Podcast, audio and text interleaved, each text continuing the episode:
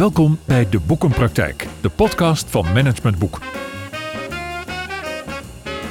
In De Boekenpraktijk praten we met auteurs over hun nieuwste boeken. Boeken over organisatieontwikkeling, persoonlijke ontwikkeling en verandering. En altijd met een link naar de dagelijkse praktijk. Uw presentator is Willem van Leeuwen. In dit boek richt ik me expliciet op de route van besluitvorming die dwars door alle systemen en domeinen heen gaat. De oude route, zoals we die gebruikelijk nog toepassen, en de nieuwe route, die zorgt voor veel meer eigenaarschap bij alle betrokkenen. Al dus de toelichting over de kern van haar nieuwe boek Van Gedoe naar Gedragen van auteur Anke Siegers. Anke Siegers, zij is in het dagelijks leven organisatiepsycholoog en groepsconflictbemiddelaar. En ze begeleidt in verschillende rollen organisaties, overheden en gemeenten in grootschalige en complexe besluitvormingsprocessen op dus die nieuwe route waar ze ook de ontwikkelaar van is. Met Anke sprak ik over wat maakt een radicale verandering in besluitvorming onvermijdelijk anno 2024. En hoe kan zo'n besluitvormingsproces dan ook echt anders lopen structureel en dus beter gaan, waardoor er wel vertrouwen en eigenaarschap gaat ontstaan bij ons als burgers voor die besluiten?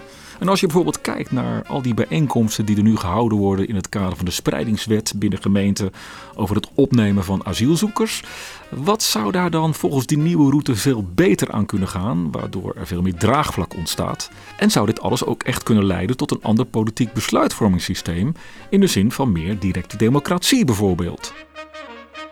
Welkom Anke. Dankjewel, fijn om hier te zijn. Ja, um, wat maakt dat jij uh, ja, toch wel een interesse hebt in uh, conflicten en besluitvorming? Waar komt dat vandaan? Ja. Ik las iets over je vader met kerken, maar dat heeft er niks mee te maken. Nee, nee, nee, dat was ook pas later. Ik ben denk ik altijd wel geïnteresseerd geweest in uh, hoe kun je het beste weer samen tot elkaar komen als er gedoe is ergens, als er conflicten zijn. Ik kan niet één moment in de tijd noemen waarop dat ineens wakker werd bij mij, maar ik, ik heb wel veel in organisaties uh, gemerkt dat uh, op het moment dat er wat spanning ontstaat, dat daar heel verkrampt op wordt gereageerd en dat we daar gewoon niet goed mee omgaan. En dat ja. is ook wel een van de redenen geweest dat ik uh, conflictbemiddeling ben gaan studeren. Ja. Omdat ik zelf in een organisatie merkte van hé, hey, wat wordt hier vreemd mee omgegaan? Er wordt gekeken naar wie heeft de schuld en die krijgt de straf. En, dan, en alsof je nog in de basisschool uh, zit. Ja. En, Eigenlijk doen we dat nog steeds zo, hè, met straf en belonen. Steeds, ja, ja, precies. ja, de oude route, daar gaan we ja. het over hebben.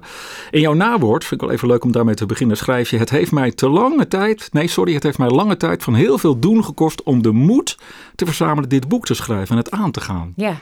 Dat klinkt alsof je daar lang over getwijfeld hebt en dat een soort van durf nodig heeft. Ja, dat, het heeft wel durf nodig, omdat het een aanpak is die tegen de gebaande paden ingaan.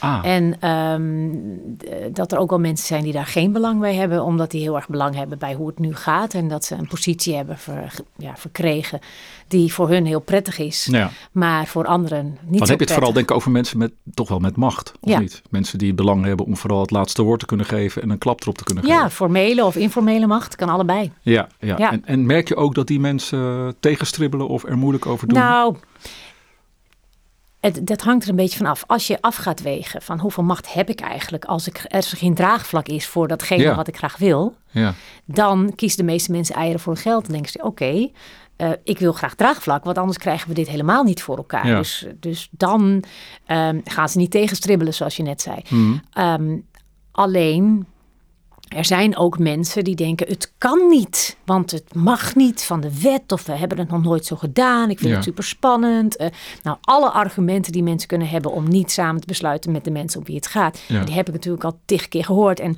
op een gegeven moment word je daar ook een beetje moedeloos van of, Mhm. of raak je daar erg vermoeid van dat je elke keer weer dezelfde tegenargumenten krijgt die je heel makkelijk kan, kan ontzenuwen, maar toch ja. elke keer dat weer aan moet gaan. Ja, snap ik. Ehm, wat maakt een radicale verandering in, in de manier waarop wij besluiten nemen met elkaar zo onvermijdelijk? Nou, wat mij betreft is het echt onvermijdelijk omdat er steeds meer mensen komen en die terecht wat mij betreft zeggen wij worden niet gehoord. Ja. En wij we zeggen met elkaar we hebben een democratie, we, we- wij eh, besluiten samen in organisaties, we hebben een platte organisaties. Misschien denk je nu van waar gaat het over, maar het gaat dus over we doen alsof iedereen evenveel mee mag besluiten. Maar in het echt is dat niet zo en daar en steeds meer mensen ja, eh, gingen bijvoorbeeld voor de, voor de eh, coronacrisis naar het Malieveld met of zonder eigen vervoersmiddelen. En, en riepen: wij worden niet gehoord. Ja. En de ene keer zeggen: wij worden niet gehoord als het gaat over jeugd. En wij worden niet gehoord als het gaat over ouderen. En wij worden niet gehoord als het gaat over agrarische Boeren, bedrijven. Dus ehm, er zijn steeds meer bevolkingsgroepen die roepen: wij worden niet gehoord. Of Mhm. erger nog, niet eens meer roepen, maar achterover gaan leunen en zeggen: van ja, het doet er blijkbaar toch niks toe. Toch is het wel opmerkelijk dat die groepen blijven naar het Malieveld gaan. Of Ja. op de A12 gaan staan. ja, hè? precies. Als ik denk aan Extinction Rebellion.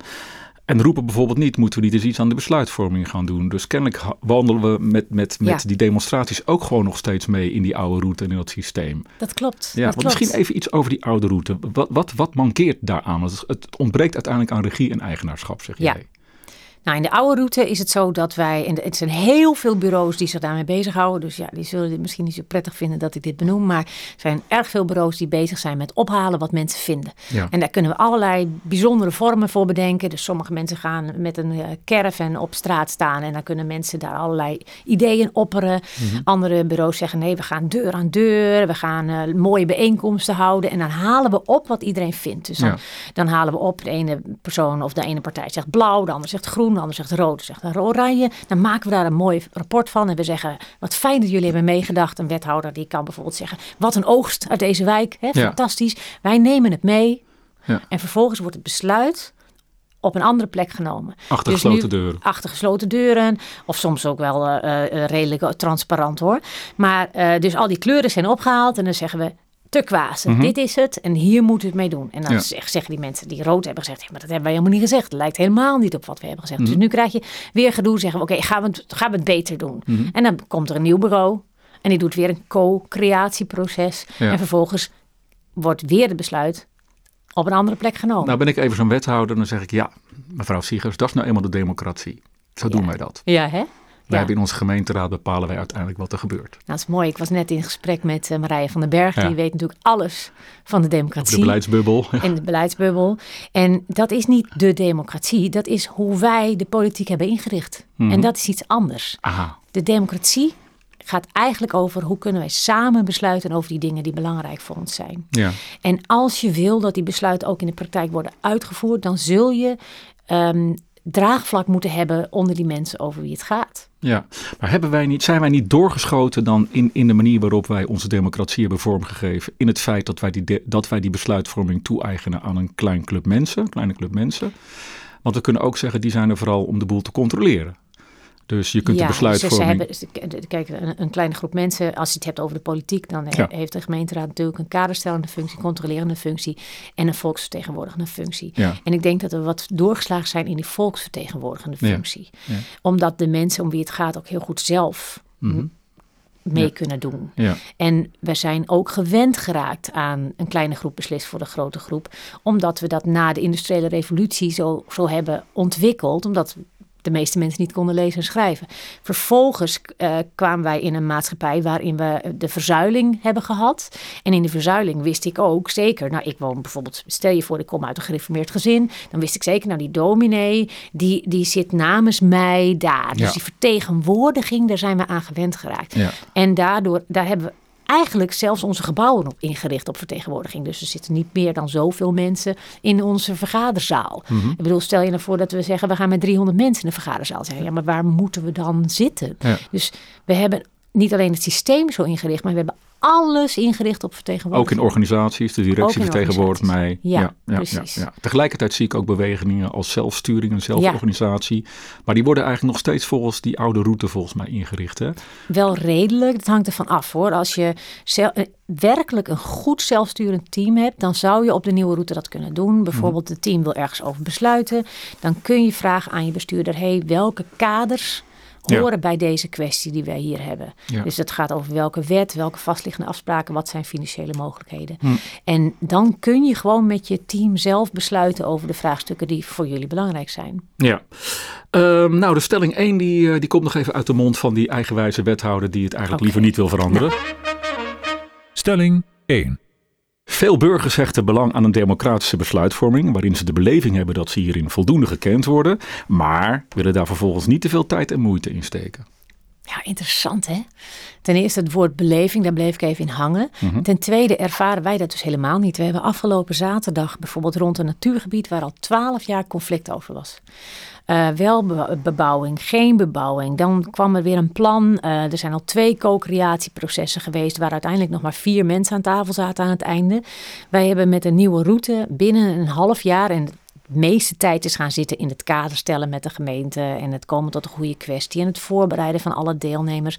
Maar hebben we in één dag met 80 mensen die Mhm. hebben gezegd wij willen, wij vinden dit een belangrijk onderwerp, hebben we een gebiedsvisie gemaakt rond dat gebied. Plus ze hebben de boeren en de groenen en de wie allemaal eh, door elkaar hebben samen besluiten genomen en plannen gemaakt om verder uit te gaan werken. Met 80 mensen in één ruimte? In één ruimte. Ja. ja. Dan moet je misschien toch even uitleggen, want ik hoor je al zeggen over co-creatie en kaderstelling.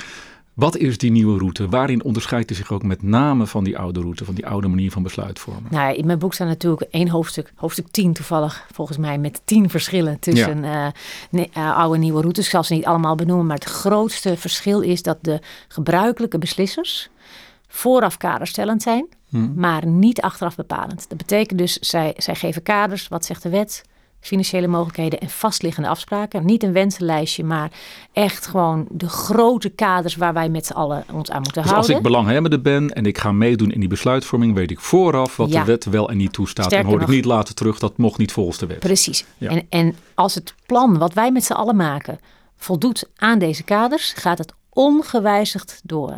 Aha. En dit is ook heel spannend dus voor een gemeenteraad. Ja. Want die zegt vooraf, oké, als het voldoet aan deze kaders, dan gaan wij er geen plasje meer overheen doen. Nee, dus die, die ambtenaar mag niet met daarna met een rood, rood potlood Nee. zeggen, het, het past Geen niet punt, in. komma. Want de, want de gemeenschap, de mensen om wie het gaat, hè, de organisaties, de inwoners, de, nou ja, of, of als het in een organisatie is, dus Ja. de medewerkers, hebben echt tot aan de punt, komma nagedacht over wat de beste Oké, oplossing dus is. het wil een, een, een buurt veiliger inrichten. Ehm, Ja. Dan is er ook om te beginnen een kwestie, zoals Ja. jullie dat noemen. Ja. De, de kwestie. Ja.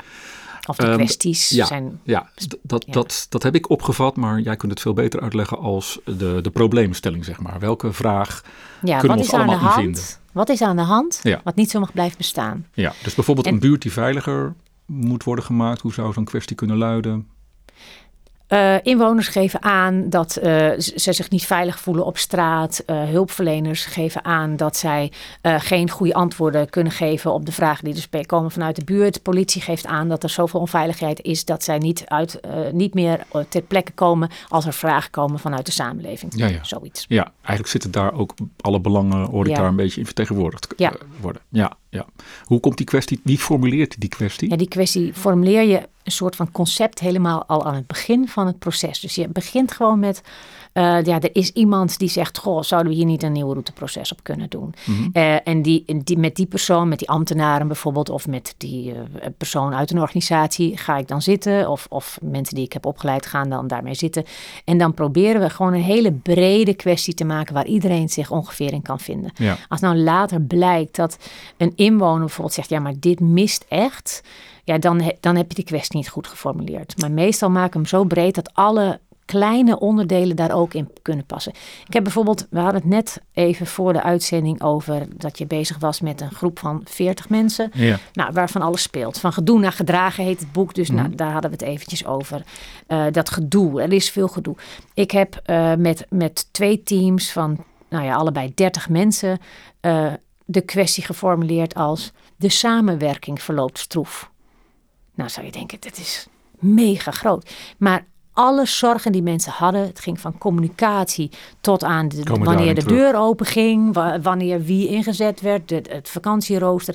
dat viel allemaal onder die samenwerking verloopt stroef. Ja, dus eigenlijk zeg je ook, die kwestie moet zodanig geformuleerd worden dat iedereen, iedereen zich erin herkent als zijnde, dit is inderdaad de, de, de kwestie of de het probleem of de vraag waar ik Precies. mee zit. Ja, ja, Dan ga ik even naar het woordje iedereen, want dat is ook interessant hè. Ja. Want jullie hebben niet alleen een kwestie, maar jullie hebben een kaderstelling vooraf, maar jullie hebben ook voorbereidende gesprekken. Dus we gaan niet uh, al ergens in een zaal zitten met z'n tachtigen, maar er gebeurt heel veel vooraf. Ja.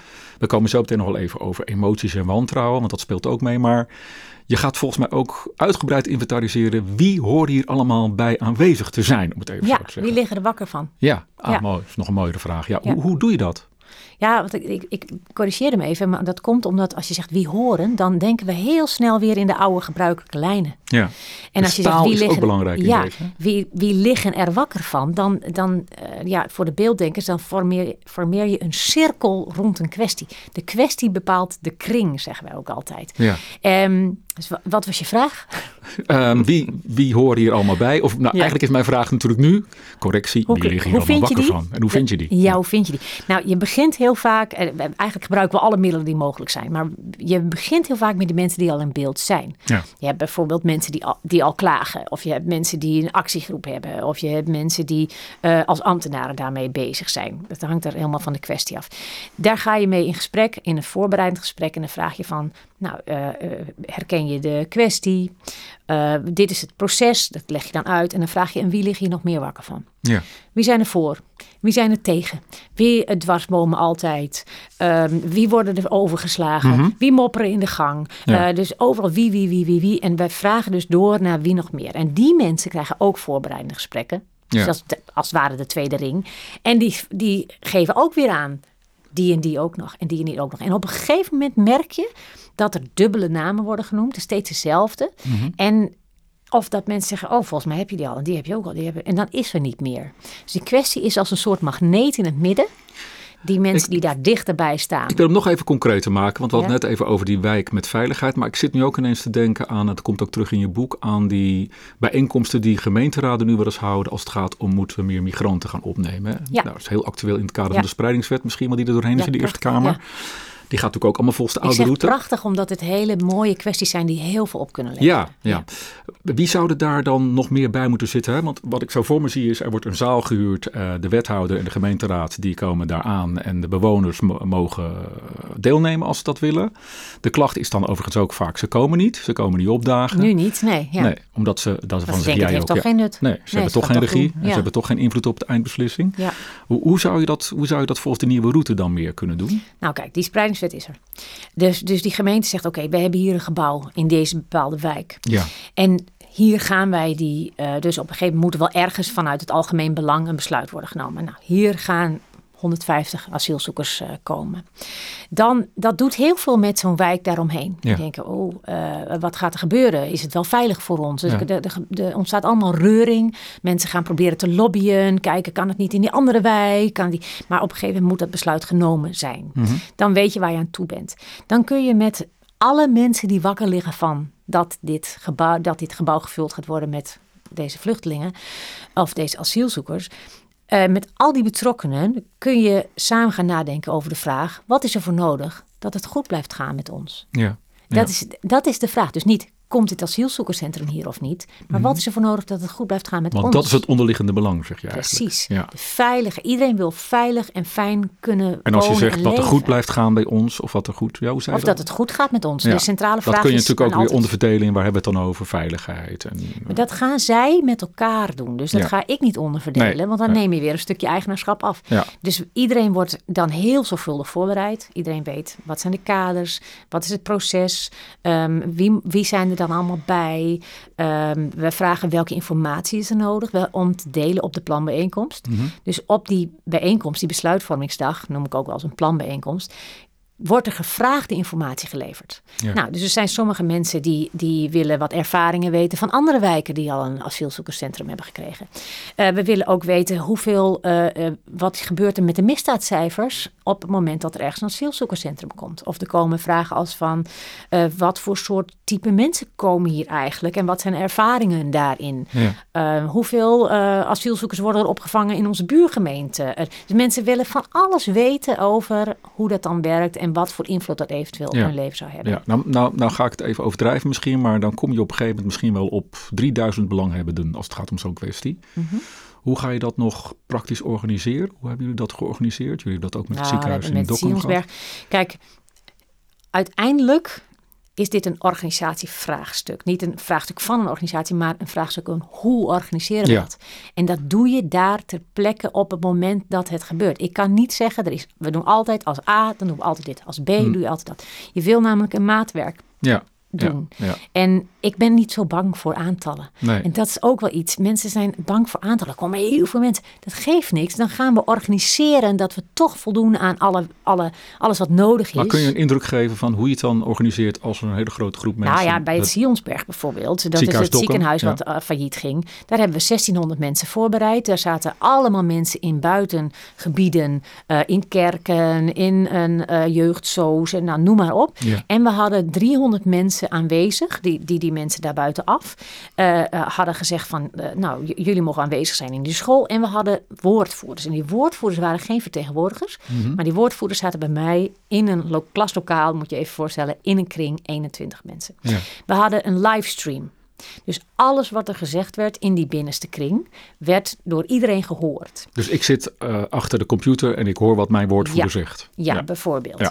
Ja. Um, en die, in die lokalen zaten groepen van nou ja, 30, 35 mensen. En die woordvoerders die gingen terug naar die groepen. En dan gingen ze, in de groepen gingen ze plannen maken op basis van wat ook die achterliggende mensen die in, die, in de regio zaten, mhm. allemaal aanvulden en tegen hun zeiden. Dat kwam dan in het plan. En het plan bestond uit allerlei voorstellen. En na anderhalf uur zeiden we, we gaan weer samen. En die woordvoerders mochten niks anders doen dan voorlezen wat de groepen hadden gezegd. Dus wij gingen niet met elkaar onderling discussiëren, we gingen alleen maar voorlezen. Dan zei ik, ja, het is magisch dat we er überhaupt uitgekomen zijn als ik het zo vertel. Mhm. Maar dan zei ik, dit gehoord hebbende, ga terug naar je groep en pas je plan aan. En mensen leerden van elkaars ideeën en die ideeën begonnen steeds meer in elkaar te schuiven. En na een uur of dertien constateerden we met elkaar, hey, er zijn heel veel overlappen. Wat, waar overlappen we al in? En toen konden we pas beginnen aan één plan van iedereen. Ja. En, en, dat, en er is dus niks in het plan gekomen waar die andere mensen niet van hadden gezegd: dit is waar wij, wij mee kunnen leven.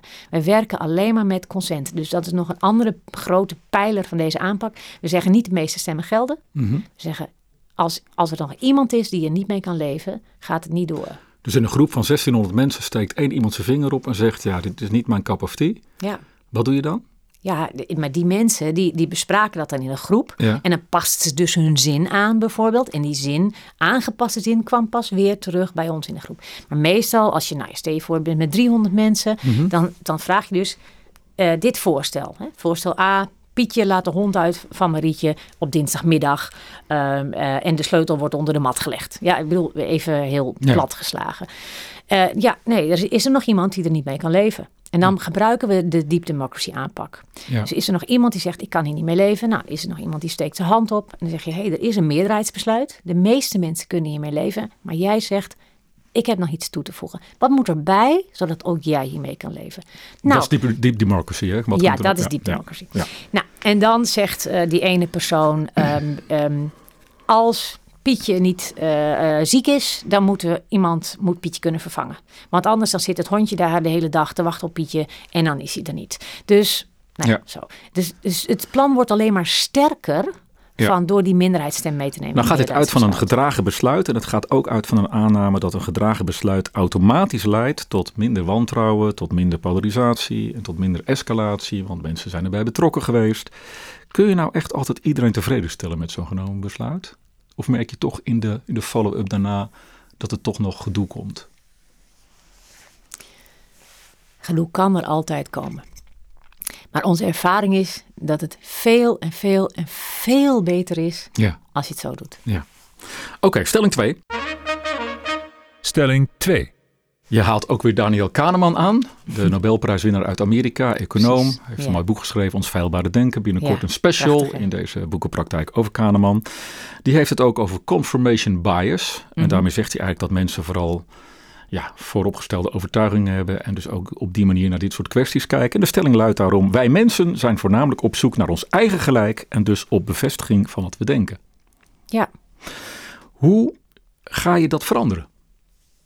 Ja, dat is echt een mooie vraag, want je zegt hoe ga ik dat veranderen? Maar dat verandert zichzelf door het proces. Ja. Ehm, mensen horen andere dingen van andere mensen. En dat gebeurt alleen maar als we elkaar zien. Dus vandaar dat wij het ook op één dag organiseren waar iedereen met elkaar in contact is. We hebben het ook wel gedaan dat we pro- geprobeerd hebben online dingen te doen. En dat werkt wel enigszins, Mhm. maar het effect is compleet anders. Als mensen elkaar in de ogen kijken en ze luisteren naar een boer. En die boer die vertelt, wij, stel je voor, ik, ik ben eh, van Extinction Rebellion of zo. Ja. En ik luister naar die boer. En die boer die vertelt, u heeft geen idee, want elke keer hebben wij alles weer aangepast. Want we kregen nieuwe regels van de overheid. En toen hebben we het weer aangepast. Heb, heb, heb ik een lening voor afgesloten bij mijn oom. En bla bla bla. Dat hele verhaal. En nu denk ik, potverdikkie, daar ben ik me helemaal niet van bewust. Ik luister namelijk steeds naar verhalen van al die boeren. Dat zijn miljonairs en die, en die, eh, die Ja. eh, putten het land uit. En ik, ik ben voor de natuur. En nu blijkt dat we eigenlijk allebei gewoon mensen zijn die proberen Hm, Dat wordt veel tastbaarder. te redden. En, en, en dat, Ja. dat, die emotie komt ook veel meer over als je elkaar ziet en ruikt en Ja, en in Ja. deze processen ga je van standpunten naar belangen. Wij, inderdaad, wij zijn in de eerste Dat moet je even instantie. uitleggen, dat is heel Ja. belangrijk denk ik. In de eerste instantie zijn wij, hebben wij standpunten. Dus mijn standpunt is: hier, hier is een natuurgebied. Ik ben, eh, stel je voor, ik ben. eh, eh, ik hou van verre uitzichten. En mijn standpunt is: daar moet een toren komen van 4 meter, zodat je ver uit kunt kijken. Ja,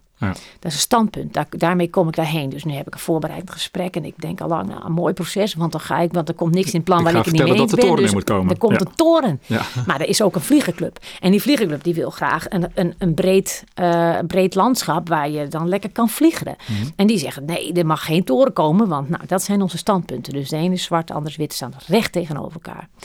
Op die dag komen we erachter dat we gezamenlijke belangen hebben. Ja. Dat we de belangen hebben dat, eh, dat daar een, een mooi landschap komt waar je overheen kunt kijken. En dus gaan we nu zoeken naar hoe kunnen we en dit belang behartigen, maar ook het andere belang. Ja, dus wat dat- je eigenlijk doet is, je, je, je zoekt met elkaar naar het belang onder het standpunt en de waarden die daar Ja. weer onder zitten. Ja, Ja. en soms laat, laat je ook dingen los en denk je, ach ja, die toren, het hoeft ook niet per se een toren te zijn. Ja, Het zou natuurlijk ook wel iets hangends kunnen zijn aan een boom. ja, ja, ja, ja. mooi, mooi. Ehm, wat ook interessant is, is de manier waarop jullie met informatie omgaan. Eh, je beschrijft ook weer de oude route. Daarin Mhm. zeg je, nou, vaak gaan we dan zo'n kwestie met elkaar behandelen. En dan worden er verschillende sessies Ja. door de tijd heen gehouden. En dat, dat heeft ook consequenties voor de samenstelling. De een haakt aan, de ander haakt af. Maar het heeft ook te maken met, hoe ik het dan interpreteer, de gelijkscha- het gelijk geschakeld zijn met betrekking tot de informatie die je krijgt. Ja. Kun je daar iets over zeggen? Ja, eh, wij, ehm, wij vragen dus in de voorbereidende gesprekken, die, die overigens één op één eh, zijn of één op twee, of nou in, in, in de samenstelling die de mensen willen, op het moment dat zij willen, op, op een plek die zij willen, eh, vragen we ook welke informatie moet worden gedeeld tijdens de planbijeenkomst. Hm. En dan zeggen ze van ja, ik wil eigenlijk wel iets weten over hoe de politie werkt, hoe, la- hoe, van, hoe vaak kan de politie dan eigenlijk komen, Ehm, eh, hoe- jeugdwelzijnswerk, wat is dat eigenlijk? Kan dat hier dan ook? En wat kunnen ze voor ons betekenen? Kunnen die misschien ook iets vertellen? Ehm, en er zijn soms mensen, ik zeg het wel eens wat lelijk, maar de zevenvinkers, die ken je dan waarschijnlijk wel. eh, die vinden het heel prettig om alle dossiers al van tevoren te krijgen, want dan zijn ze goed ingelezen en dan kunnen ze die dag hè, goed beslagen ten ijs komen. Wij zeggen nee, dat gaat niet gebeuren, want wij willen dat alle informatie toegankelijk wordt gedeeld waar iedereen bij is. Hm. Wat er dan is gebeurd, wat er dan dus gebeurt, is dat ik zie dat jij de informatie hoort waarop ik mijn ideeën heb gebaseerd. Ja, Maar ik hoor ook de informatie, en dat zie jij ook dat ik die hoor ja, ja. en ontvang. Mm. De informatie waarvan je, waarop jij jouw standpunten hebt gebaseerd. ja. Dus dat gaat over gelijktijdigheid. Maar dat gaat ook over, volgens mij, kennis is macht wordt dan niet een Precies. principe meer. Ja, Ja, ja. Ja. Dus ik heb niet meer voor informatie dan jij, waardoor Nee. ik al... een- we, hebben, we weten allemaal ongeveer evenveel. En we hebben wel, want, want sommige dingen zijn niet simpel uit te leggen. Dus wij zorgen er ook altijd voor dat op de dag zelf ook nog allerlei papieren en dossiers en eh, eh, allerlei achtergrondinformatie aanwezig is. Mhm. Alleen de praktijk wijst uit dat daar heel weinig gebruik van wordt gemaakt. Want de meeste, de, de, de meeste oplossingen komen uit het contact tussen ons. Mhm. Kun je nou toch nog even, want je had het al even over deep democracy. En toen ik dit alles las, dacht ik, hey, dit, dit, dit schuurt er wel heel dicht tegen deep democracy aan. Wat is Ja. nou het essentiële verschil? Nou, democracy is natuurlijk een aanpak waarop die in Nederland heel veel wordt gebruikt om te verkennen wat er speelt. Dus we doen bijvoorbeeld een gesprek op voeten. En dan kan iedereen zeggen eh, ehm, wat hem dwars zit, hoe die kijkt naar het thema. Maar het is wordt in Nederland bijna of heel weinig voor echte besluitvorming ingezet. Hmm. En de nieuwe route zegt, nou, we kun, je kunt het in de nieuwe route doen, dus als een verkenningsvorm of als een besluitvormingsvorm. Maar het belangrijke is dat de gebruikelijke beslissers vooraf kaderstellend zijn en niet achteraf bepalend. En dat zit niet in die democratie. Oké, we gaan naar de boekentip. De boekentip. Want we hebben altijd even een rubriek tussendoor. Gewoon even gezellig, ter afleiding. En dat is de boekentip. We hebben twee recensenten, Henk-Jan Kamsteeg en dit keer is de beurt aan Patrick Davidson. Hij is eh, de auteur van bestsellers als Teaming, Werkvuur en Waar haal je de energie vandaan. En hij las nu voor ons het boek Notities van een generaal. 40 lessen over leven en leiderschap van Peter van Um. Het nieuwe jaar is alweer een maand onderweg. En wat opvalt is dat overal het tempo hoog ligt. Er moet van alles, elke dag weer. Agenda's zijn volgepland met overleggen en tussendoor zijn er escalaties. Om die waan van de dag te doorbreken kun je natuurlijk een boek lezen, zodat je even nadenkt of je met de juiste dingen bezig bent en of het niet anders kan. Helaas merk ik dat veel professionals niet vaak een boek lezen. Te druk. Podcasts daarentegen zijn de laatste jaren ongekend populair geworden. Logisch, want ze geven je met weinig inspanning een goede dosis kennis of vermaak. Voor mij zijn podcasts dan ook een goede aanvulling op het lezen van boeken. En hopelijk geldt het omgekeerde ook meer en meer. Dat het luisteren van een interessante podcast mensen kan stimuleren om een extra boek te lezen. Oud-militairen Peter van Um en Marten Kruijf laten in de podcast Veldheren hun licht schijnen over de huidige oorlogen in Oekraïne en in het Midden-Oosten. Het notitieboekje van diezelfde Peter van Um is vermakelijke kost. Wat me aanspreekt is de mix van humor, herkenbaarheid en helderheid waarmee je leest over zijn ervaring in het leger. Tijd krijg je niet, die maak je, zo predikt van Um. Nou, elke dag twee pagina's lezen, dat moet iedereen lukken, lijkt me. Als je dat doet, dan pik je dagelijks een van de 40 lessen van Van Um over leven en leiderschap mee. En als je dat nu meteen toepast in je eigen werk, dan is de kans groot dat je met meer plezier naar je werk gaat. Al is het alleen al dat je situaties herkent, zodat je weet dat je een probleem altijd kunt melden bij een goede leidinggevende. Anders heb je immers pas echt een probleem, zo stelt Van U. Je leert ook dat functioneel ruzie maken geen probleem hoeft te zijn, maar persoonlijke ruzies wel. Dat slim samenwerken in kleine eenheden een organisatie heel wendbaar kan maken. En je leert meer over de wet van UM. Zien is niet hetzelfde als begrijpen, is niet hetzelfde als goed vinden. Meer vertel ik niet over de inhoud van dit boek.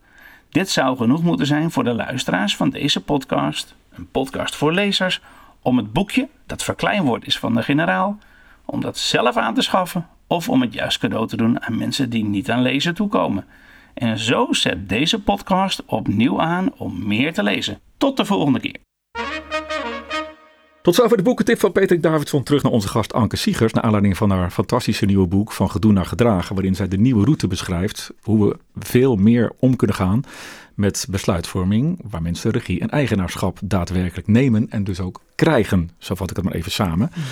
Even terug naar die, ehm, naar die, ehm, eh, naar die bijeenkomst met die, uh, met, in dat dorp, zou ik maar zeggen, voor het asielzoekerscentrum, hè, waar we het over hadden. Wat ik dan ook zie, en dat is natuurlijk niet zo gek, is dat er dan dat zo'n uh, sessie of zo'n bijeenkomst eigenlijk te veel gedomineerd wordt door ontzettend veel emotie wat er nog is. Mensen zijn geraakt, mensen zijn geschaad, zoals je ja. dat zo mooi schrijft. Daar doen jullie ook veel voorwerk in, noem ik, noem ik maar, in de nieuwe route. Om te voorkomen dat die emoties nog heel erg leidend met een lange en korte ui zijn tijdens de besluitvormingssessie. Kun je daar iets over zeggen? Hoe doen jullie dat? Ja, in de voorbereidende gesprekken wordt, worden mensen dus het proces uitgelegd. En wordt mensen ook gevraagd: en wat heb je nodig om daar goed te kunnen zijn? Wie moet er nog meer bij zijn? Um, er zijn verschillende niveaus van herstel, die ik benoem ook in het boek. En het feit dat mensen überhaupt mee mogen besluiten, is al herstel. Ja. Uh, daarnaast dat ze in de voorbereidende gesprekken dus kunnen uiten van... en het is echt belachelijk dat dit hier komt. En uh, nou, dan, dan is het antwoord van de procesbegeleider niet van... oh ja, u heeft helemaal gelijk. Nee, het antwoord is van... wat heeft u nodig om dit ook te kunnen vertellen tijdens de planbijeenkomst? Of je het ah. nou mee eens bent of niet, hè? Ja, ja. Dus wat heeft u nodig om dit goed te kunnen zeggen? Nou, wat ik nodig heb is dat ik naast mijn man zit... want anders word ik super emotioneel. En, nou, nou dus, dus dan gaan we dat organiseren. Oké. Okay. Um, we, we helpen soms mensen ook om dingen onder woorden te brengen door bijvoorbeeld te zeggen: hey, u heeft heel veel wat u wil vertellen. Is het misschien een idee om dat ook op papier te zetten? Want onze ervaring is dat op het moment dat je daar zit met zoveel mensen, dat, dat je dan vergeet wat je ook weer allemaal wilde zeggen. Of je wordt overdonderd. Of soms zeggen mensen ook van ja, maar als die en die erbij zit, dan durf ik mijn mond niet meer open te doen. Ja. Ehm, dus dat speelt allemaal mee. En in die, door die voorgesprekken en die erkenning die mensen daarin krijgen van u bent belangrijk, wat u vindt is belangrijk, dat doet ertoe. Ja. En het moet ook een goede plek krijgen. Daar zijn Ja. we heel zorgvuldig in. Ehm, door die voorgesprekken gaat er een stuk van de, van de emotie af, doordat mensen rationeel gaan nadenken over wat wil ik daar dan zeggen? Ja, ja, oké. Wat doet ertoe? Ja, ja. En dat wantrouwen, want je beschrijft ook dat ondanks dat de nieuwe route, eh, dat jullie dat zorgvuldig uitleggen, dat mensen toch in een soort wantrouwen terecht zijn gekomen van, ja, dit zal ook wel weer niet helpen. Ja, precies. Er is al van alles geprobeerd en dit werkt ook weer niet. Hoe, hoe, met die weerstand, hoe ga je daar dan mee om? Als ze maar komen. Oké, Als ze maar komen. ja. En of ze, of ze maar van mij of van, van een procesbegeleider denken van ja, ja, dit, het zal allemaal wel. Mhm. Als ze er maar zijn. ja. Dan kunnen ze het meemaken en dan kunnen ze achteraf En die dynamiek ervaren. Die je ook beschrijft, die ik ook wel tegenkom van eh, de mensen met de grootste bek, die hoor je het vaakst. Oftewel, ja, ik kan me ook voorstellen dat mensen willen voorkomen dat ze daar dan komen en dat ze toch weer tegenover zich een, een, een, een, misschien een politicus zien zitten en denken, oh ja, daar kan ik niet tegenop verbaal. Ja. Hoe, hoe ga je daar dan mee om? In het besloten deel zitten niet die, die gebruikelijke beslissers. Dus we, we geven iedereen gewoon echt de positie die die hoort te hebben op een gelijkwaardige manier. Maar in het eerste deel heb je dus dat de informatie wordt gedeeld, het proces wordt nog een keer uitgelegd, de kaders worden nog weer toegelicht. En dan zegt de politicus heel veel succes mensen. En die gaat weg. En die zit dus niet bij die groep.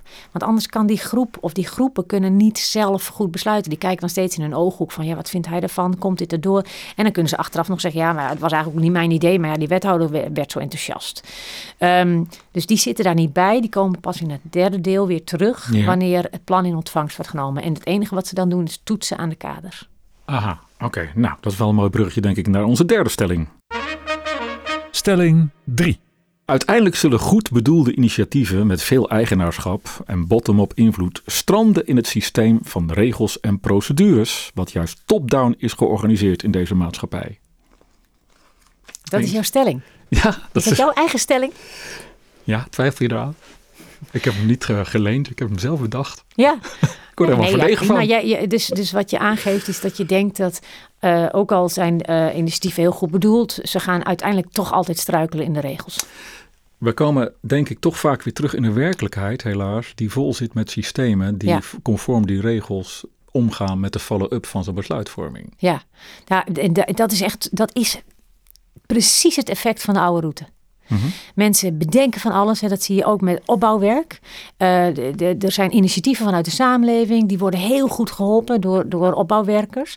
Of door andere instanties. En vervolgens botsen ze met het systeem. Want dan blijkt, er is al een, een eh, organisatie ingehuurd. En die, ja, daar kun je niet mee gaan concurreren. Of dit mag niet voor die en die wet. Eh, nee, maar er liggen al plannen voor dit gebied. Dus dat kan helemaal niet. En dan, en dan loopt het daarop dood.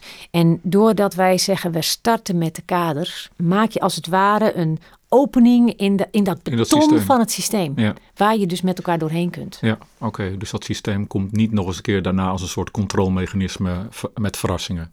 Dat zou niet te- moeten kunnen.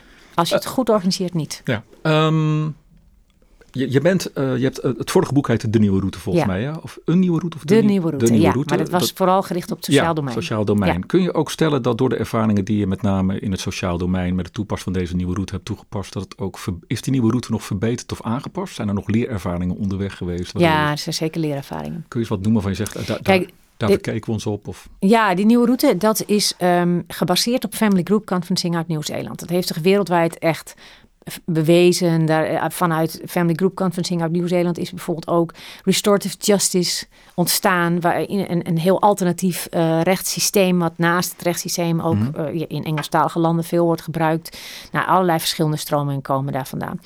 En ehm, wat we hebben geleerd is dat bijvoorbeeld in het sociaal domein waren mensen gewend aan de term. ehm nou moet ik even. Ik heb het zo ver weggeduwd dat ik het zelf niet eens meer kan bedenken. Netwerk. We, we moeten een plan maken met het sociaal netwerk. Hm. Nou, en toen ik daarmee bezig was, kwam ik erachter. Ik dacht, daar moeten we het helemaal niet meer over hebben, sociaal netwerk. Het gaat over wie er allemaal wakker ligt van deze kwestie. Ja, ja. En dat kan best iemand anders zijn dan de vader en de moeder en de oom en de tante. Bedoel je daarmee dat dat sociaal netwerk te veel geframed was? Ja, het sociaal netwerk is heel erg gekaderd. Ja. Uh, um, en bovendien, zo noem jij de mensen om je heen ook helemaal niet. Nee. Uh, als er iets aan de hand is met jouw kind, dan is het dus niet per definitie de vader en de moeder en de opa en de oma en de tantes die mee moeten denken. Het gaat over de kwestie bepaalt de kring.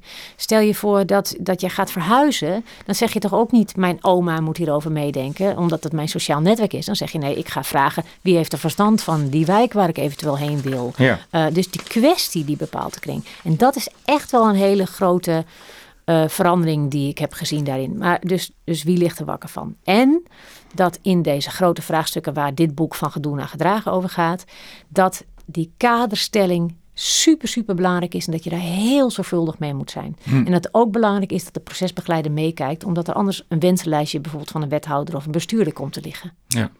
Nou, nou, nou is dit natuurlijk een perfecte aanpak voor geschillen.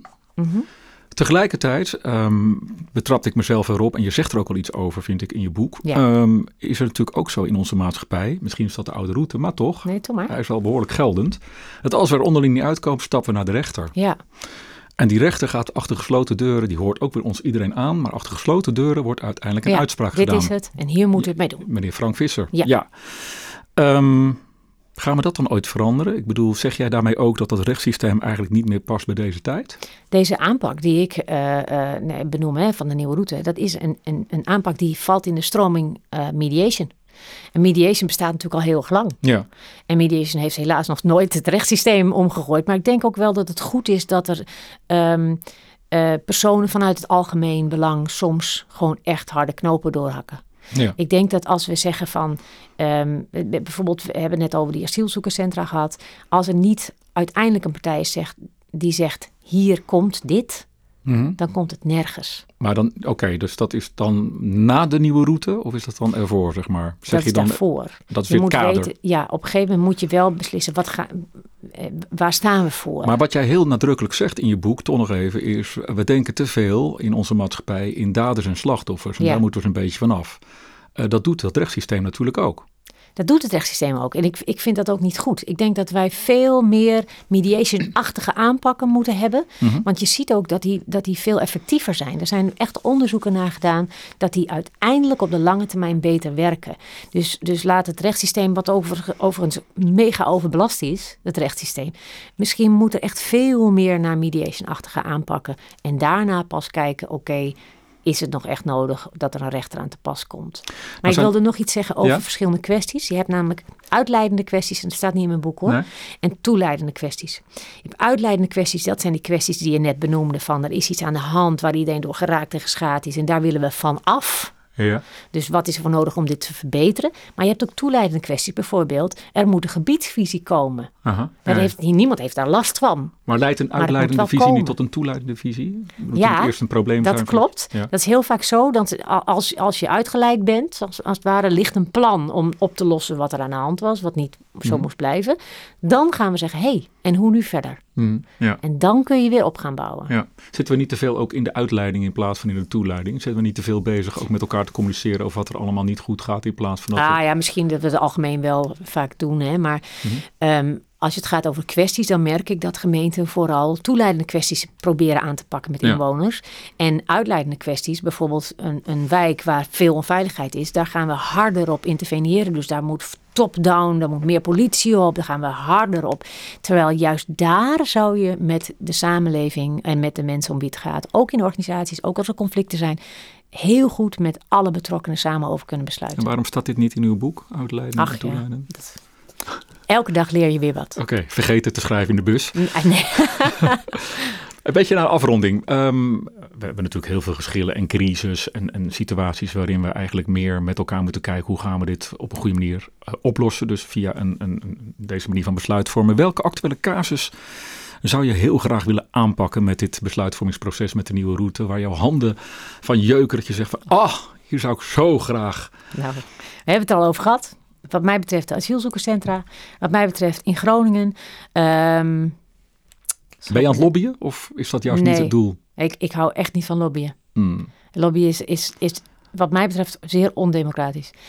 Ehm, maar goed, Groningen, ik denk dat daar de mensen ook heel goed na kunnen denken. Eh, de stikstofcrisis, Ja. eh, dat gaat niet over, over, overkoepelend, maar wel lokaal. Dus lokale vraagstukken. Wij hebben hiermee te maken. We moeten ons hieraan gaan houden. Hoe gaan wij dit dan doen, zodat op een manier waarop wij met z'n allen dit goed gaan overleven? Wat is er voor nodig dat het goed blijft gaan met ons binnen deze kwestie? En als we nou eens even in de glazen bol kijken, we zijn vijf jaar verder. Voorspel jij dan dat we toch veel meer volgens deze nieuwe route met elkaar om de tafel zitten? Of zeg je van het zal eerst nog verder afglijden? Heb je, heb je daar een soort Ja. gevoel of beeld bij? Ja, ik, ik ben natuurlijk ook wel een aanhanger van de transitietheorie Ja. van eh, Jan Rotmans ja. en co. Ehm, ik heb het gevoel dat het nog heel erg aan de voorkant loopt. En dat de urgentie nog niet genoeg gevoeld wordt. Hmm. Dus ik denk dat het nog wel even Dat we nog wat verder af gaan verbaast me dat je glijden. dat zegt. Wat maakt dat je dat vindt, dat de urgentie nog niet... Nou, omdat ik denk, de- dit, dit bestaat al lang. We hebben al lang bewezen dat dit gewoon hartstikke goed kan. Eh, de, de, in, eh, het ziekenhuisfaillissement was in 2015. Dus het is niet zo dat, dit zo dat het nog hartstikke nieuw is. Maar ik denk dat heel veel mensen denken van... Nou, eh, als we er nog even zo makkelijk mee wegkomen, dan doen we dat nog even zo. Ja. Eh, eh, eh, en, en er komt een nieuw kabinet aan. Die moet geloof ik 17 miljard, geloof ik even uit mijn hoofd, gaan bezuinigen.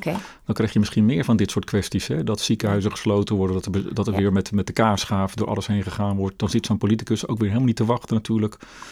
Ja, die, wacht, die zit wel op inspraakavonden te wachten dat hij daarna achter gesloten deur een besluit kan nemen. Maar Ja. oftewel die machtsposities, dat, dat is natuurlijk, dat erodeert Ja, en, zo. daar wordt het wat mij betreft nu gewoon nog niet hard genoeg gevoeld. Hmm. Je, je moet op een punt komen dat je, dat je zegt, ja, zoals het nu gaat, gaat het gewoon niet meer. Nee, nee. En dan ben je pas bereid om echt iets radicaal anders te doen.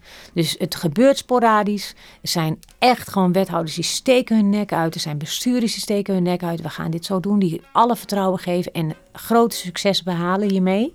Ja. Maar ik durf niet te zeggen dat over vijf jaar dat we dit allemaal doen. Oké, maar we gaan wel binnen nu en vijf jaar allemaal je boek lezen. Dus, Dat zou eh, fantastisch Dan lobby ik gewoon eventjes nu. Ja, geweldig. En, eh, of in ieder geval, je maakt in ieder geval reclame. Ja, wellicht leidt dat ergens toe. Dankjewel, Anke Siegers, voor jouw deelname aan deze aflevering van de Boekenpraktijk. Want we hebben in dit gesprek, maar zeker ook door jouw boek van Gedoe naar Gedragen, veel geleerd over ja, wat er niet goed gaat in de maatschappij en organisaties. Zoals het gaat om eigenaarschap, vertrouwen, energie en vooral hoe je dat anders zou kunnen organiseren. Laat ik het dan zo zeggen. Ik verwijs jou als luisteraar van deze podcast heel graag naar de volgende aflevering. Over twee weken weer op alle grote podcastkanalen. En eh, ja, ik wil je natuurlijk bedanken voor het beluisteren van deze podcast. Heb je opmerkingen of suggesties? Mail dat dan naar info.managementboek.nl en je kunt je abonneren op deze podcast. Ga daarvoor naar managementboek.nl slash podcast. Tot zover de praktijk van boeken. Kijk voor meer afleveringen of een abonnement op de boekenpraktijk op managementboek.nl/slash podcast. Je vindt ons ook op Spotify, Apple Podcast, Google Podcast en Podimo. Hartelijk dank voor het luisteren en graag tot de volgende podcast.